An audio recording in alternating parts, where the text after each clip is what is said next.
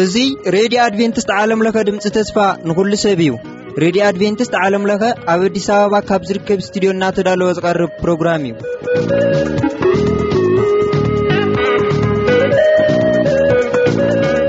እዙ ትከባተሎ ዘለኹም ረድኹም ረድዮ ኣድቨንትስት ዓለምለኸ ድምጺ ተስፋ ንኹሉ ሰብ እዩ። ሕዚ እቲ ናይ ህይወትና ቀንዲ ቁልፊ ዝኾነ ናይ እግዚኣብሔር ቃል ምዃኑ ኩላትኩም ኣይትዘንግዕዎን። እስቲ ብሓባር እነዳምፅ።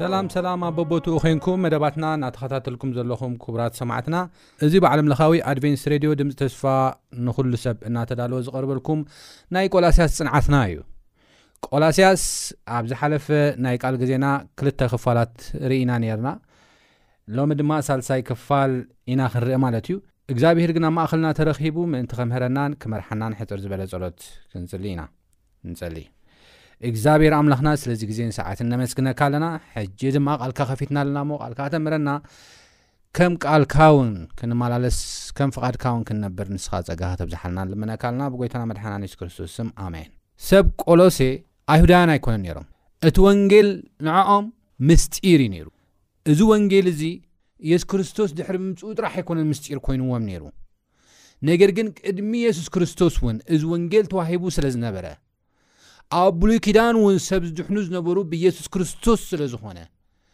እዚ ምድሓን እዚ ብኣይሁዳውያን ክንገሮም እዚ ናይ እግዚኣብሄር ምስጢር ዝኾነ ክርስቶስ ንዖም ክግለጸሎም ንኣይሁዳውያን ትመልእኽቲ እኳ ተሃቦም ኣይሁዳውያን እዚ ሓላፍነት እዚ ስለ ዘይተዋፅኡ ወንጌል ናብ ዓለም ክባፃሕ ኣይከኣለን ኣብ ብሉይ ኪዳን ንሶምን ካብቲ ሒዞሞ ዝነበሩ ጽቡቕ ወይ ድማ ካብቲ ተቐበልዎ ጽቡቕ ዝኾነ ትምህርቲ ዕላምኡ ድማ ክርስቶስ የሱስ ዘርእን ፍቕሪ ኣምላኽ ድማ ዝገልጽን ትምህርቲ ካብ ዘይምስትውዓሎምን ካብ ዘይምርድኦምን ዝተላዕለ ናብ ሌጋሊዝም ዝበሃል ትምህርቲ ናብ ሕጋዊነት ዝበሃል ትምህርቲ ከም ዘጣመምዎ ኢና ንርኢ ማለት እዩ ሰባት ኣብ ክንዲ በቲ መስዋእቲ ዝረኣ ናይ እግዚኣብሄር ፍቕርን ናይ እግዚኣብሄር ምድሓንን ዝርእዩ ነቲ ሕግን ነቲ ስርዓትን ጥራሕ ከተክሩ ጀሚሮም ማለት እዩ ነቲ ሕግን ነቲ ስርዓትን ከተክሩ ኣብ ጀመረሉ እዋን ድማ ካብቲ ሓቂ ዝኾነ ክርስቶስ የሱስ ካብቲ ፍቕሪ ዝኾነ እግዚኣብሔር ኣምላኽ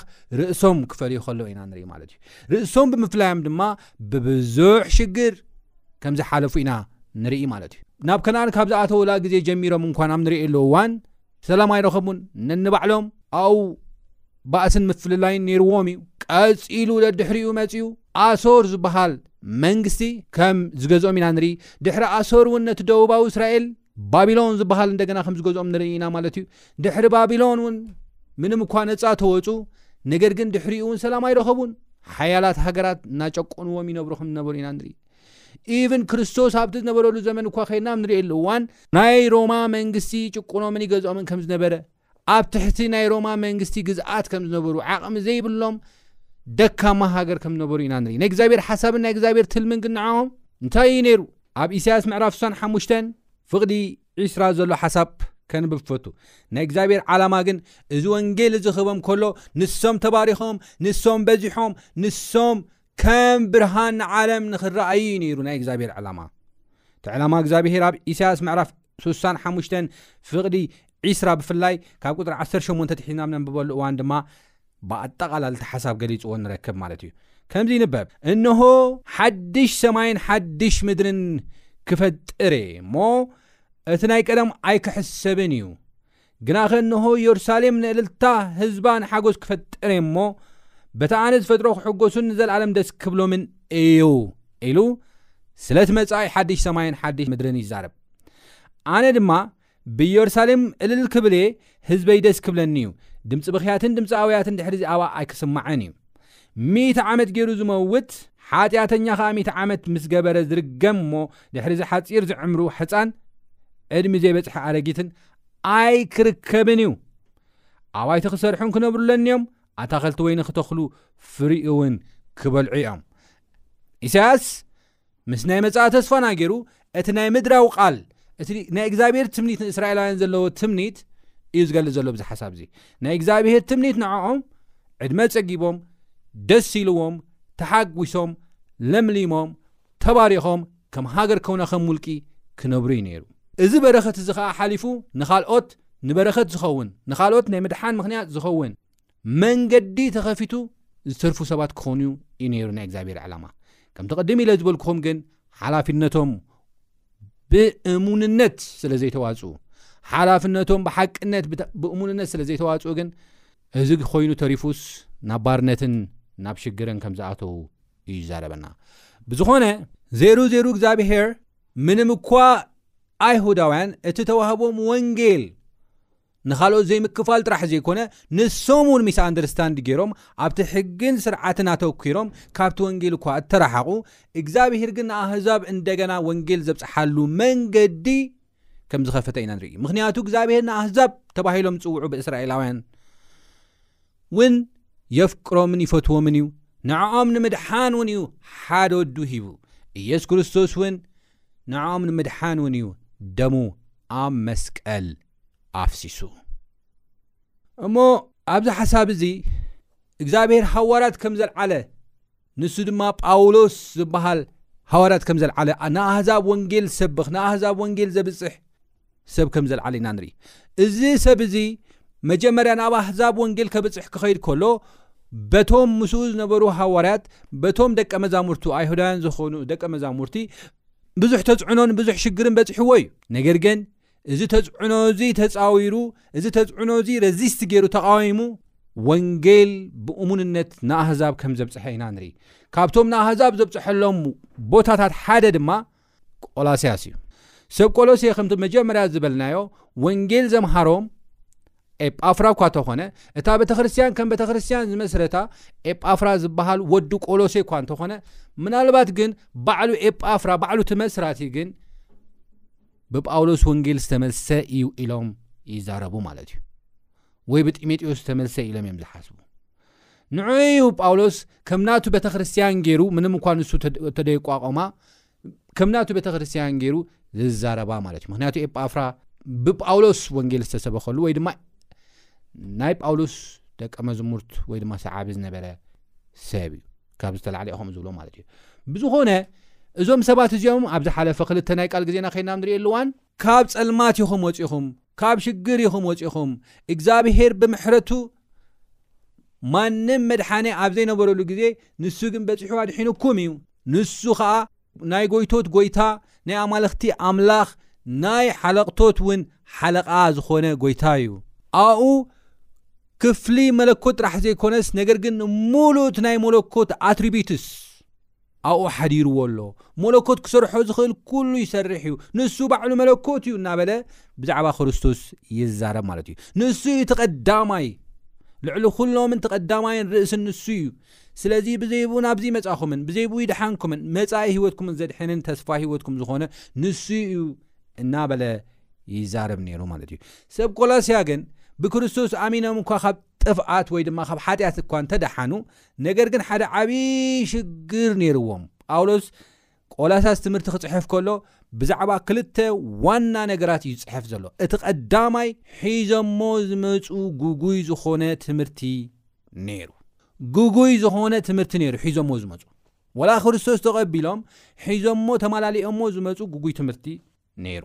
ካብዚ ብተወሳኺ እንደገና ውን እዚ ግጉይ ትምህርቲ ውን ንሕማቕ ባህሪ ዴቨሎፕ ንኽገብሩ፣ ንኸማዕብሉ ዝደፋፍኦም መንገዲ ዝኸፈተሎም ውን ነይሩ። ስለዚ ኣብኦም ሕማቕ ዝኾነ ባህሪ፣ ክርስትያናዊ ዘይኮነ ባህሪ ኣብኦም ውን ይረኣ ነይሩ እዩ ማለት እዩ።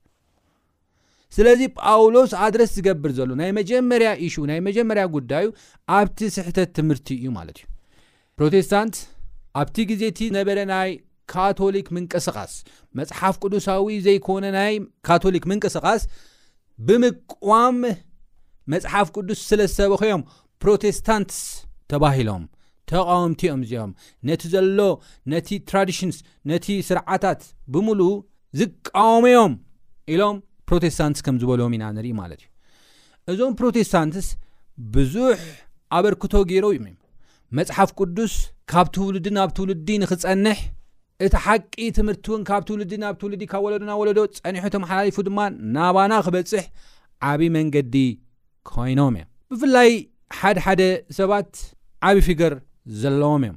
ማርቲን ሉተር ሓደ ካብቶም ፍሉጣትን ጎበዝ ዝነበረ ፕሮቴስታንት እዩ። ቴስዓን ሓሙሽተን ነጥብታት ኣቐሚጡ እዩ ወጺኡ ካብ ካቶሊክ። ኣብ ካቶሊክ ውሽጢ እዩ ዘገልግል ነይሩ።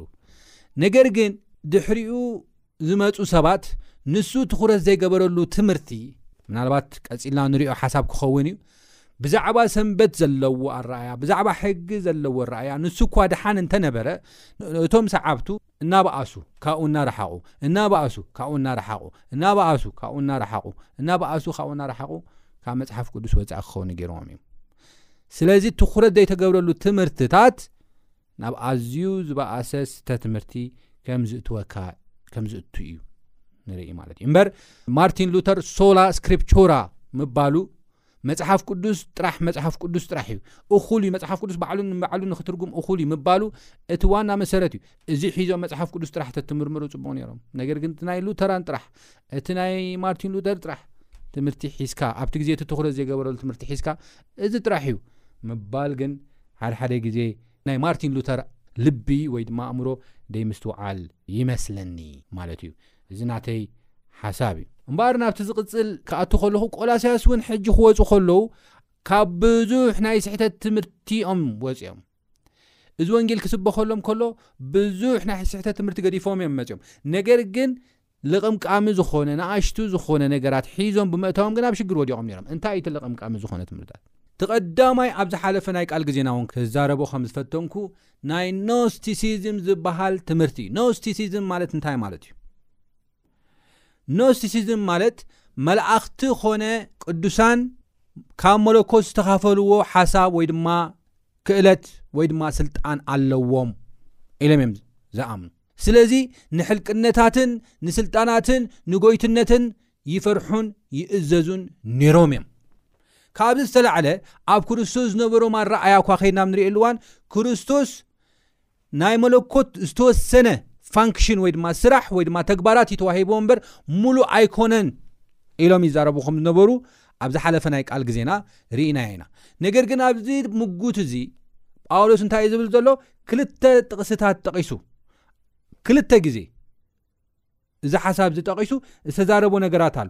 ኣብኡ ሙሉእ ናይ መለኮት ሓላፍነት ኮነ እቲ ኣትሪቢትስ ኮነ እቲ ስራሕ ኮነ ሙሉእ ብምሉእ ኣብኡ ኣሎ ኢሉ ክገልጽ ከሎ ኢና ንርኢ እተን ጥቕስታት ነንብበን እቲ ቀዳማይ ጥቕሲ ኣብ ቆላሳስ ምዕራፍ ክልተ ፍቕዲ ትሽዓተ እዩ ዝርከብ እቲ ካልኣይ ጥቕሲ ከዓ ኣብ ቆላሳስ ምዕራፍ ሓደ እዩ ዝርከብ እዚ ጳውሎስ ኮነ ኢሉ ክምጉት ከሎ ኢና ንርኢ ምክንያቱ ንሶም ወላ ክርስቶስ ኣሚኖም እንተመፁ ከምዚ ዓይነት ኣመለኻኽታ ነይርዎም እዩ ቆላሳስ ምዕራፍ ክልተ ፍቅዲ ትሽዓተ መጀመርያ ከንብቦ ይደሊ ኣብኡ ብዘሎ መልኣት መለኮት ብስጋ ሓዲርዎ ኣሎ ብዘሎ ፓርቲ ኦፍ መለኮት ጥራሕ ኣይኮነን ናይቲ መለኮት ዝገብሮ ተግባራትን ናይቲ መለኮት ተግባራት ወይ ድማ ስልጣናትን ክፋል ጥራሕ ኣይኮነን ሒዙ የሱስ ክርስቶስ ከምቶም ካልኦት ነገር ግን ክርስቶስ ኣብኡ ብዘሎ ምልኣት መለኮት ኣብ ስጋ ሓዲርዎ ኣሎ ኢሉ ክዛረብ ከሎ ኢና ንርኢ ማለት እዩ ቀፂሉ እውን ነዚ ትምህርቲ እዚ ክምጉት ከሎ ኣብ ቆላታት ምዕራፍ ሓደ ፍቅዲ 19 ብዘሎ ምልኣት ኣብኡ ክሓድር ኣቦ ሰሚርዎ ኣሎ ይብለና ብዘሎ መልኣት ኣብኡ ክሓድር ወይ ድማ ሓዲሩ ኣሎ ወይ ድማ ኣብኡ ክሓድር እንታይ ገይርዎ ኣሎ ኣቦ ሰሚርዎ ኣሎ ይብለና ምሉ ስለዚ ቀዳማይ ነገር ኣብዚ ዝምግቶ ዘሎ ጳውሎስ ሙሉእ ብምሉእ ክርስቶስ መለኮት እዩ ናይ መለኮት ፋንክሽንስ ብምሉእ እቲ መለኮት ክገብሮ ዝኽእል እቲ ናይ መለኮት ዓቕምታት ብምሉእ ኣብኡ ኣሎ ሓደ እቲ ካልኣይ ከኣ ንመላእኽትን ስልጣናትን ከምዚ ክፋል ተዋሂብዎም ከምዚ ተዋሂብዎም ስለዚ ስግደት ይግብኦም እዩ ናይ ክብሪ ስደግት ከምኡ ዝበሃል የለን መጽሓፍ ቅዱሳዊ ኣይኮነን ኢሉ እዩ ብክልተ መልክዕ ዝምግቶ ዘሎ ማለት እዩ ቅዱሳን መላእኽቲ ከም መልኣኽቲ ዕዮም ይፍጽሙ እግዚኣብሔር ዝለኣኾም ነገር ይገብሩ ሓሉ ተተባሂሎም ይሕልው ኪድ ተተባሂሎም ይኸዱ ይለኣኹ መጽሓፍ ቅዱስ ካብዚ ብዝሓለፈ ግን ንሕና ንመላእኽቲ ዘለና ረኣያ ክንውስኽ ከለና እግዚኣብሄር ዘይኮነስ ባዕሎም እቶም መላእኽቲ እዮም ዝግስጹና። ክልተ ጥቕስታት ከንብብ ይደሊ። ሓደ ኣብ ራእይ ምዕራፍ ዕስራን ክልተን ካብ ፍቕዲ ሸሞንተ ነዚ ነገር ዝሰማዕኹን ዝረኣኹን ኣነ ዮሃንስ እየ። ምስ ሰማዕኹን ምስ ረኣኹን ከኣ ኣብ ቅድሚ ኣእጋር እቲ ነዚ ዘርኣየኒ መልኣኽ ክሰግድ ፍድግም በልኩ። ሕጂ መልኣኽ ኣብ ጳጥሞስ ደሴት ኣብ ዝነበረሉ ግዜ ንዮሃንስ ብዙሕ ራእይ፣ ብዙሕ ትምህርቲ፣ ብዙሕ ዝኾነ ምንክብኻባት ገይሩሉ እዩ እዚ መልኣኽ እዚ። እዚ ምስ ረኣየ ዮሃንስ ነቲ ነዚ ዘርኣየኒ መልኣኽ ክሰግድ ፍግም በልኩ፣ ንሱ ኸኣ ካልእ ኣይኮነን ንሱ ባዕሉ ኸኣ እቲ መልኣኽ እንታይ ኢሉ ከይትገብሮ ተጠንቀቕ ኣነስ ከማኻን ከምቶም ኣሕዋትካን ነብያት ከምቶም ንቓላት እዚ መጽሓፍ እዚ ዝሕልዎን ባርያ እየ ንኣምላኽ ደኣ ስገድ በለኒ ይብለና ኣብዚ ሓሳብ እዚ ከይና ንርኢ ኣለዋን ንኣምላኽ ደኣ ስገድ በለኒ ይብለና። እዚ ሓሳብ እዚ ኣብዚ ሓሳብ ጥራሕ ኣይኮነን ተገሊጹ ኣብ ራእይ ምዕራፍ 19 ፍቕዲ 10 እውን ኬድና ኣብ ንርእየሉ እዋን ተመሳሳሊ ሓሳብ ኢና ንረክብ ካብ ቁፅሪ 9 ከንብቤ ንሱ ከዓ እቶም ናብ ድራር መዓርን እቶም ንገንሸል ተዓዶም ብፁዓን እዮም ፀሓፍ በለን ንሱ እውን እዚ እቲ ናይ ሓቂ ቃል ኣምላኽ እዩ በለኒ ኣነ ከዓ ይብል ሓደ ዮሃንስ ደጊሞ ኣብ ራእይ ምዕራፍ 19 እዩ ዝብለኩም ዘለኩ ቁፅሪ 10 ክሰግደሉ ኢለ ናብ ቅድሚ ኣጋሩ ፍግም በልኩ ንሱ ድማ ከይትገብሮ ተጠንቀቕ ምስክር የሱስ እቲ መንፈስ ትንቢት እዩ እሞ ኣነስ ከማኻን ከምቶም ምስክር የሱስ ዝሕዙ ዘለዉ ኣሕዋትካን ባርያ እየ ንኣምላኽ ደኣ ስገድ በለኒ ኢሉ ክዛረብ ኮለ ኢና ንርኢ ምንም ናይ መለኮት ዝተዋህቦም ነገር ከም ዘሎ ኣይነግረናን እዩ ከምቲ ናይ ኖስቲክስ ናይ ስተት ትምህርቲ ማለት እዩ ካልኣይ ድማ እዚ ተዋሂቦሞ ክስገደሎም ኣለዉ ዝበሃል ኣተሓሳስባ እውን ሮንግ ምዃኑ ግጉይ ምዃኑ ምክንያቱ እግዚኣብሄር ባዕሉ ኢሉ እዩ ባዕሎም እቶም መላእኽቲ እውን ኣይትስገድ ንሕና ባሮት ኢና ከማኹም ኢሉ ክዛረብ ከሎ ኢና ንርኢ። ርግጽ እዩ ብዛዕባ መላእኽቲ ክዛረብ ከሎ ኣብ ዕብራውያን ምዕራፍ ሓደ ዓቢ ዝኾነ ሓሳብ ይዛረብ እዩ ብዛዕባ መላእኽቲ ክዛረብ ከሎ እንታይ ይብል ኣብ ዕብራውያን ምዕራፍ ሓደ ፍቅዲ ሸውዓተ ብዛዕባ መላእኽቲ ከዓ መላእኽቱ ንፋሳት ኣገልገልቲ እውን ሃልሃልታ ሓዊ ዝገብር ይብል እዩ መላእኽቱ ንፋሳት ኣገልገልቲ እውን ሓልሃልታ ሓዊ ዝገብር እዩ ይብል ፈጣናት እዮም ሓያላት እዮም ንቑሓት እዮም ብርቱዓት እዮም መላእኽቱ ናይ እግዚኣብሄር ግን ካብዚ ዝሓለፈ ግን ክንሰግደሎም ኮነ ፍግም ኢልና ኣብ ቅድሚኦም ክንወድቕ ግን ናይ እግዚኣብሄር ፍቓድ ኣይኮነን ንሶም ን ባዕሎም ኣይፈቕዱን እዮም ዓንት ከም ዝረኣናዮ ማለት እዩ የሱስ ክርስቶስ ኣብ ማቴዎስ ምዕራፍ ኣርባዕተ ከይና ኣብ ንርእየሉ እዋን ፈተና ኣብ ተፈተነሉ እዋን እንታይ ኢሉ? እቲ ስግደት ዝግብኦ እግዝኣብሄር ጥራሕ እዩ ኢሉ ክዛረብ ከሎ ኢና ንርኢ። ንምንታይ ከም ዝኾነ ራእይ ምዕራፍ ዓሰርተ ኣርባዕተ ፍቕዲ ሸውዓተ እውን ይዛረበና እዩ። ማቴዎስ ምዕራፍ ኣርባዕተ እንታይ ይብለና? ቁፅሪ ሸውዓተ ማቴዎስ ምዕራፍ ኣርባዕተ ፍቕዲ ሸውዓተ የሱስ እግዚኣብሄር ኣምላኽ ኣይትፈታተኖ ድማ ጽሑፍ ኣሎ በሎ። ዲያብሎስ ከዓ ከም ብሓድሽ ናብ ኣዝዩ ነዊሕ ከረን ወሲዱ መንግስታት ኩሉ ዓለምን ክብረትን ኣርኣዮ እሞ ፍግም ኢልካ እንተ ሰገድካለይ፣ እዚ ዅሉ ክበካየ በሎ። ሽዑ የሱስ ንእግዚኣብሄር ኣምላኽካ ስገድ፣ ንእኡ በይኑ ድማ ተገዛእ፣ ጽሑፍ ኣሎ እሞ፣ ኪድ ርሓቕ ሰይጣን በሎ ይብሎ። ስለዚ እዚ የሱስ እውን ዝምስክሮ ዘሎ ንእግዚኣብሄር ኣምላኽካ ጥራሕ ስገድ፣ ንእኡ በይኑ ጥራሕ ተገዛእ ዝብል ሓሳብ እዩ ዝበና። the same እቶም መላእኽቲ ኣብ ራእይ ዮሃንስ ምዕራፍ ዓሰርተ ትሽዓተ ፍቕዲ ዓሰርተ ከምኡውን ኣብ ራእይ ምዕራፍ ዕስራን ክልተን ዝረኣናዮ ማለት እዩ። ንእግዚኣብሔር ኣምላኽና ጥራሕ ክንሰግድ ከም ዘለና፣ ንዕዑ ጥራሕ ክንግዛእ ከም ዘለና ሓደ ዓይነት ሓሳብ ከቐምጥ ከሎ ኢና ኢየሱስ ክርስቶስ እውን ክዛረብ ከሎ ንርኢ ማለት እዩ። ስለዚ ሕጂ ንመላእኽቲ ናይ ክብሪ ስግደት እዚኦም እኮ ከምዚ ሰሪሖም እዮም፣ መለኮት ክሰርሖ ዝኽእል ተግባራት ሰሪሖም እዮም ዝብል ኣባህላ ካብ መጽሓፍ ቅዱሳዊ ሓቂ ወጻኢ እዩ። እዚ ንመላእኽቲ ምርኻስ ኣይኮነን። ወይ ንቕዱሳን ምንኣኣስ ኣይኮነን። ማንም ሰብ ንማንም ከነኣእስ ኮነ ከረኸስ ኣይክእልን እዩ፣ ንባዕሉ ሓጢኣተኛን ርኹስን ስለ ዝኾነ ሰብ። ብምቕጻል ጳውሎስ እናኾነኖ ዘሎ ትምህርቲ እንታይ እዩ እንተ ኢልና ኣብ ቆላሳስ ምዕራፍ ክልተ ከድና ኣብ ንርእየሉ እዋን ናይ ሰብ ትምህርቲ ናይ ሰብ ስርዓት ትራዲሽን እንብሎ ናይ ሰብ ስርዓትን ናይ ሰብ ትምህርትን እዩ እንታይ ይብል ኣብ ቆላሳስ ምዕራፍ ክልተ ፍቕዲ ሸሞንተ ከድና ኣብ ንርእየሉ እዋን ኢንፋክት ካብ ሽዱሽተ ከንብበልኩም ይደሊ ደጊም ከምቲ ንጎይታና የሱስ ክርስቶስ ተቐበልኩሞ ከምኡ ኢልኩም ብኡ ተመላለሱ ምስ በለ ኣብኡ ተሰሪትኩም ተሃኒጽኩም ብምስጋና መሊኹም ከምቲ ተምሃርኩሞ ኮንኩም ብእምነት ጽንዑ ከም ናይ ክርስቶስ ዘይኮነስ ብልማድ ሰብ ከም ምህሮ ቁልዕነት እዛ ዓለም እዚኣ ብጥበብ ዓለምን ብኸንቱ ምጥባርን ሓደ እኳ ከይማርኸኩም ስተጠንቀቑ ሰለስተ ነገር ኣብ ዝተዛሪቡ ኣሎ ምስ ትራዲሽን ተተሓዘ ምስ ሰብ ተተሓዘ ነገራት እቲ ቀዳማይ ልማድ ሰብ ብልምዲ ሰብ ዝገበሮ ካብ ኣቦ ናብ ኣባሓጎ ካብ ሓባሓጎ ናብ ውሉድ ዝመፀ ልምዲ ከም ሃይማኖት ገይሩ ተራእዩ እዚ ተደይ ጌርካ ክትመውት ኢኻ እዚ ተደይ ጌርካ ክትቅዘፍ ኢኻ ዝብል ኣባህላ ማለት እዩ ልማድ ሰብ ባህሊ ከም ሃይማኖት ጌርካ ወይ ምስ ሃይማኖት ኣዳባሊእካ መሓዝ እዚ ካብ መፅሓፍ ቅዱሳዊ ወፃኢ እዩ እዚ ግደፉ ካብ ዝተፈላለዩ እዩ ኢንፋክት ናይ ቆላሳት ሰባት እዚ ልማድ ሰብ ዝበሃል ባህሊ ካብቲ ሃይማኖት ንላዕሊ በሊፅዎም ነይሩ ትልማድ በቃ ክትኸይድ ሓደሓደ ከምቲ ልማዳዊ ዝግበር ነገር ትገብር ካብ ሃይማኖት ንላዕሊ ካብቲ መጽሓፍ ቅዱስ ዝእዝዞ ንላዕለ ኮይንዎም ነይሩ እዩ ኣብ ኣዝዮ ኣሸጋሪ ኩነታት ይበፂሑ ነይሩ ስለዚ ልማድ ሰብ ከቢድ እዩ ንሕና እውን ሕጂ ልማድ ሰብ ገለ ናብኡ ናብቲ መፅሓፍ ቅዱስ ኢና ክንመፅእ ዘለና እዚታት ክንገድፎ ከም ዘለና እዩ ጳውሎስ ዘመረና ምዚ ተታሒዙ ከም ምህሮ ቁልዕነት እዛ ዓለም እዚኣ ከም ምህሮ ቁልዕነት እዛ ዓለም እዚኣ ብጥበብ ዓለምን ብኸንቱ ምጥባርን ሕጂ ሰለስቲኡ ምስ ሰብ ተታሕዘ እዩ። ምህሮ እዚ ዓለም እንታይ እዩ? ጥበብ እዚ ዓለም እንታይ እዩ? ምህሮ እዚ ዓለም፣ ጥበብ እዚ ዓለም፣ ያው ንርእስኻ ንበር እዩ። ብርእስኻ ተኣማመን እዩ። ደስ ዝብለካ ቃሕ ዝብለካ ግበር እዩ። ከም ፍቓድ ርእስኻ ኺድ እዩ።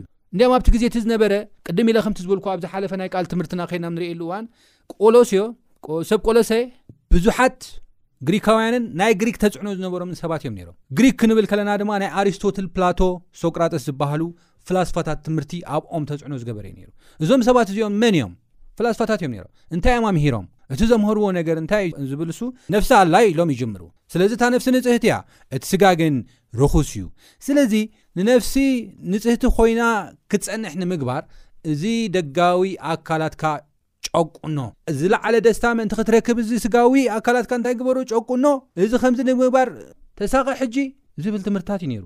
ንዑ እዩ ጳውሎስ ኣብ ታሕቲ ኣብ ቆላስያስ ምዕራፍ ክልተ ፍቕዲ ዒስራ ክሳብ ዒስራን ክልተን ኣትሒዝና ኣብ ንርእየሉ እዋን እምበኣርከ ከም ምህሮ ቁልዕነት እዛ ዓለም እዚኣ ምስ ክርስቶስ ካብ ሞትኩም ስለምንታይ ደኣ ኣብዛ ዓለም ከም ዘሎኹምሲ ከም ናይ ሰብ ትእዛዛት ምህሮን ገይሮም ኣይትሓዝ ኣይትጥዓም ኣይትተንኪ ኢሎም ሕጋጋት ዝሕግግልኩም እዚ ኩሉ ተተገይሩስ ንሕልፈቱ እዩ ኣብ ትሑት ሓሳብ ምሕሳም ስጋን ዝግበር ናይ ፍቓድ ርእስኻ ኣምልኾ ሕብሪ ጥበብ ኣለዎ ግናኸ ንምጽጋብ ስጋ እምበር ንገለ እኳ ኣይጠቅምን እዩ ኢሉ ኣብ ቆላሳስ ምዕራፍ ክልተ ፍቕዲ ዒስራ ክሳብ ዒስራን ኣርባዕተን እዚ ሕጂ ናይቶም ፍላስፋታት ሓሳብ እዩ ድሓር እንታይ ይብሉኻ እዚ ስጋ ሽገር ኣለዎ መከራ ክጸግብ ኣለዎ እታ ነፍሲ ኢሎም ዝጽውዕዋ ንሶም በቃ ምእንቲ ንጽህቲ ኮይና ክትነብር ስለዚ እዚ ትብላዕ ኣይትስተ ናብዚ ትኺድ ናብ ገዳም እቶ ናብ ጥበብ ዘሎ ይመስል ይብል ጳውሎስ ክዛረብ ከሎ ነገር ግን ከንቱ እዩ ካብዚ ነገር እዚ ውጹ ኢንፋክት ነፍሲ ዝበሃል ንሕና ኢና መጽሓፍ ቅዱስ ክዛረበና ከሎ ሰብ ካብ ሓመድ ምድሪ ገበሮ ይብል ዘፍጥረት ምዕራፍ 2 ፍቅዲ 7 ከይና ንርኢ ኣለዋ ሰብ ካብ ሓመድ ምድሪ ገበሮ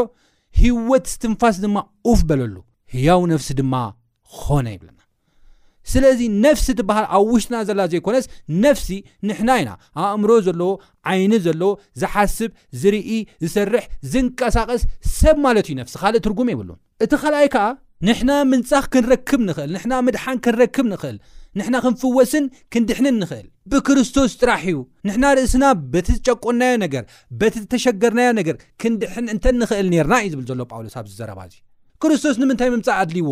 ክርስቶስ እኮ ምምጻእ ኣየድልዮን እዩ ነይሩ፣ ምኽንያቱ እንተ ደኣ ትኽእል ኰይንካ፣ ስጋኻ ጨቊንካ ካብ ሓጢኣት ትድሕን እንተ ደኣ ኰይንካ። ክርስቶስ ንምንታይ እዩ ሞይቱ? ክርስቶስ እኮ ዝመጸሉ ዋና ምኽንያት ሰብ ብጥበቡ ዀነ ብሓይሉ፣ በዘለዎ ንብረት ኰነ ቅዱሳን መላእኽቲ ከይተረፈ ከድሕንዎ ስለ ዘይከኣሉ እዩ። እዚ እዩ እቲ ሓቂ። ስለዚ ካብዚ ነገር እዚ ርሓቑ። እዩ ዝብሎም ዘሎ ጳውሎስ ሕጂ እውን ካብዚ ነገር እዚ ረሓቑ ጥበብ ዘለዎ ዝመስል ሕብሪ ጥበብ ዘለዎ ነገር ግን ከንቱ ዝኾነ ትምህርቲ እንታይ ግበሩ ረሓቑ ዝብሎም ዘሎ ነዚ እዩ ናይ ምጥባር እዩ ዝብሎ ሓሊፉ ኣብዚ ሓሳብ እዚ ከዓ ዝዛረቦ ነገራት ኣሎ ናይ ግሪክ ተፅዕኖ ጥራሕ ኣይኮነን ነይርዎም ናይ ኣይሁድ ዝኾነ ባህልታት እውን ኣብ ሂወቶም ተፅዕኖ ገይሩ ነይሩ እዩ እንታይ እዩ እቲ ናይ ኣይሁድ ባህሊ? ቅድም ኢለ ከምቲ ዝበልክዎ ኣይሁድ ጽቡቕ ትምህርቲ ተዋሂብዎም ነይሩ እዩ። መጽሓፍ ቅዱስ ተዋሂብዎም ነይሩ እዩ። ሕግታት ተዋሂብዎም ነይሩ እዩ። እቲ ሕግታት ግን ሓጢኣቶም ሪኦም ናብቲ ዘንጽህ ጎይታ ክመጹ፣ ብእኡ ክውከሉ፣ ተወኪሎም ድማ ንክድሕኑን ክባረኹን እዩ ነይሩ እቲ ዕላማ። ንሶም ተባሪኾም ድማ ንኻልኦት ክባረኹ፣ ንኻልኦት ንፈውሲ ክኾኑ እዩ ነይሩ እቲ ዕላማ። ነገር ግን ንሶም እዚ ናይ እግዚኣብሔር ዓላማ ገዲፎም ኣብቲ ሕጊ ጥራሕ ምኽባሮም ሕጋውያን ኮይኖም ከም ዝተረፉ ኢና ንርኢ። Legalists ኮይኖም ተሪፎም። ደሓር ናበይ ኣትዮም?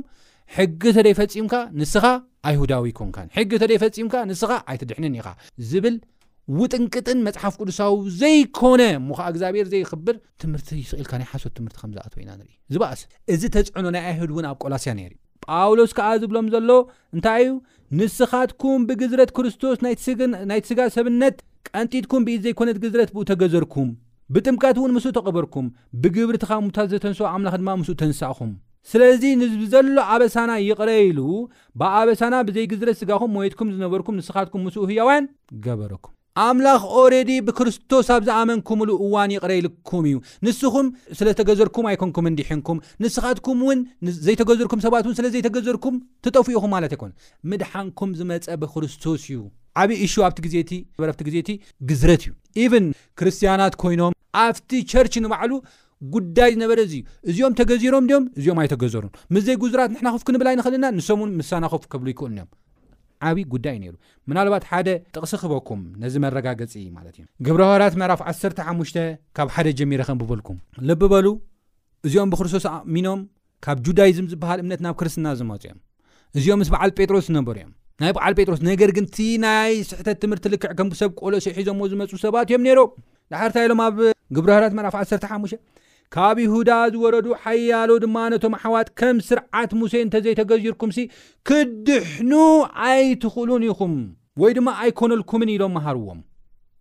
ኣብ መንጎኦም ናብ መንጎ ጳውሎስን ባርናባስን ብዙሕ ምፍልላይ ክትዕ ምስ ኮነ ኸኣ ጳውሎስን ባርናባስን ካብቶም ሓያሎ ካልኦትን ብዛዕባ ዝባእሲ ናይ ሃዋርያ ሽማግለ ናብ የሩሳሌም ክድይቡ መጽ ሽዑ ንሳቶም ኣብ ማሕበር ምስ ተፋኑ ምምላስ ኣህዛብ እናወረየሎም ብፍንቄን ብሰማርያን ሓለፉ ንዅሎም ኣሕዋት ከኣ ብዙሕ ኣሐጐስዎም።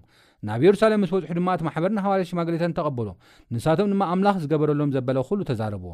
ካብቶም ዝኣመኑ ወገን ፈሪሳውያን ግና ሓያሎ ኽገዝርዎምን ምሕላው ሕጊ ሙሴ ክእዘውን ይግባእ ኢሎም ተንስኡ። እቶም ሃዋርያትን ሽማግሌታትን ብዛዕባ እዚ ነገር እዚ ክምርምሩ ተኣከቡ። ብዙሕ ክትዕ ምስ ኰነ ኸኣ ጴጥሮስ ተንሲኡ ከምዚ በሎም፣ ኣሕዋትና፣ ካብ ቀዳማይ ዘመን ጀሚሩ ኣህዛብ ብኣፈይ ቃል ወንጌል ክሰምዑን ክኣምኑን ኣምላኽ ካባኻትኩም ከም ዝሓረየኒ ንስኻትኩም ትፈልጡ ኢኹም። እቲ ልቢ ዝፈልጥ ኣምላኽ ከኣ ከምቲ ንኣና ዝሃበና ንኣኣቶም መንፈስ ብምሃቡ መስከረሎም። ልቦም ብእምነት ምስ ኣንጸ ኸኣ ኣብ መንጎናን ኣብ መንጎኦምን ሓንቲ እኳ ኣይፈላለየን። እምበኣርሲ ሕጂ ነቲ ኣቦታትና ንሕና ክንጸሮ ዘይከኣልና ርዑት ኣብ ክሳድ ደቀ መዛሙር ምንባርኩም ስለምንታይ ንኣምላኽ እትፍትንዎ? ንሕናስ ከማታቶም ደኣ ብጸጋ ጐይታና የሱስ ክርስቶስ ክንድሕን ኣምና ኣሎና። ኩላቶም እቶም ህዝቢ ድማ ስቕ በሉ። ነቲ ባርናባስን ጳውሎስን ከመይ ዝበለ ዓብዪ ትእምርትን ተኣምራትን ኣምላኽ ብኣታቶም ብኣታቶም ኣብ ኣህዛብ ከም ዝገበሮ ክነግርዎም ዘለዎ ጽን ይብሉ ነበሩ። ንሳቶም ስቕ በሉ ኸኣ። ያእቆብ ከምዚ ኢሉ ኸኣ መለሰ፣ ኣቱም ኣሕዋትና ስምዑኒ። ኣምላኽ ካብ ካብ ኣህዛብ ንስሙ ህዝቢ ምእንቲ ኸውጽእ ቅድም ከመይ ዝበለ ዝበጽሖም፣ ስምዖን ኣዘንቲ እዩ። ኣሎ። ምስዚ ድማ እቲ ቓል ነብያት ይሰማማዕ፣ ከምቲ ዝተረፉ ሰብ ጐይታ ምእንቲ ኺደልዩ፣ ነቲ ወዲቓ ዘላ ድኳን፣ ዳዊት ከም ብሓድሽ ኪሰርሓ፣ ሕድሶ ከም ብሓድሽ እውን ከቕንዖ እየ፣ እዚ ነገር እዚ ኻብ ዘለኣለም ፈሊጡ ዝገበሮ ጐይታ ይብል እዩ ጽሑፍ ይብል። ካብ ቀዳሞት ወለዶ ጀሚሮም፣ ኣብ ቤት ጸሎቶም በብሰንበት ንሙሴ እናንበብዎ፣ ኣብ ከተምኡ ዝሰብክዎ ኣለዉ እሞ፣ ኣብ ርኽሰት ጣኦታትን ዝሙትን ኣብ ሕኑቕ እንዶምን ከኣ ኪኽልክሉ ንልኣኸሎም እምበር፣ ነቶም ኣህዛብ ናብ ኣምላኽ ዚምለሱ ዘለዉስ፣ ከይነኽብደሎም ይረኣየና ኣሎ ስለዚ ደሓና ብፀጋ እዩ ኢሎም ክዛረቡ ከሎ ኢና ንርኢ ናብ ከምዚ ደረጃ እዩ መፅሖም ነሩ ወላ ናብቲ ክርስትና ይኣትው ማለት እዩ ስለዚ ጳውሎስ ዝብሎም ዘሎ ዝደሓንኩም ሕጊ ብምሕላውኩም ኣይኮነን ሕጊ ብምሕላው ንመፃእ እውን ኣይድሕኑን ኢኹም እሞ ኣሕዋተይ ካብዚ ነገር እዚ ንሕና እውን ተዓቂብና ትኽክለኛ ትምህርቲ ሒዝና ክንመላለስ እግዚኣብሔር ፀጉ የብዛሓና ግጉይ ዝኾነ ትምህርቲ ናብ ሕማቕ ባህሪ ናብ ጥፍኣት እዩ ዝመርሓና።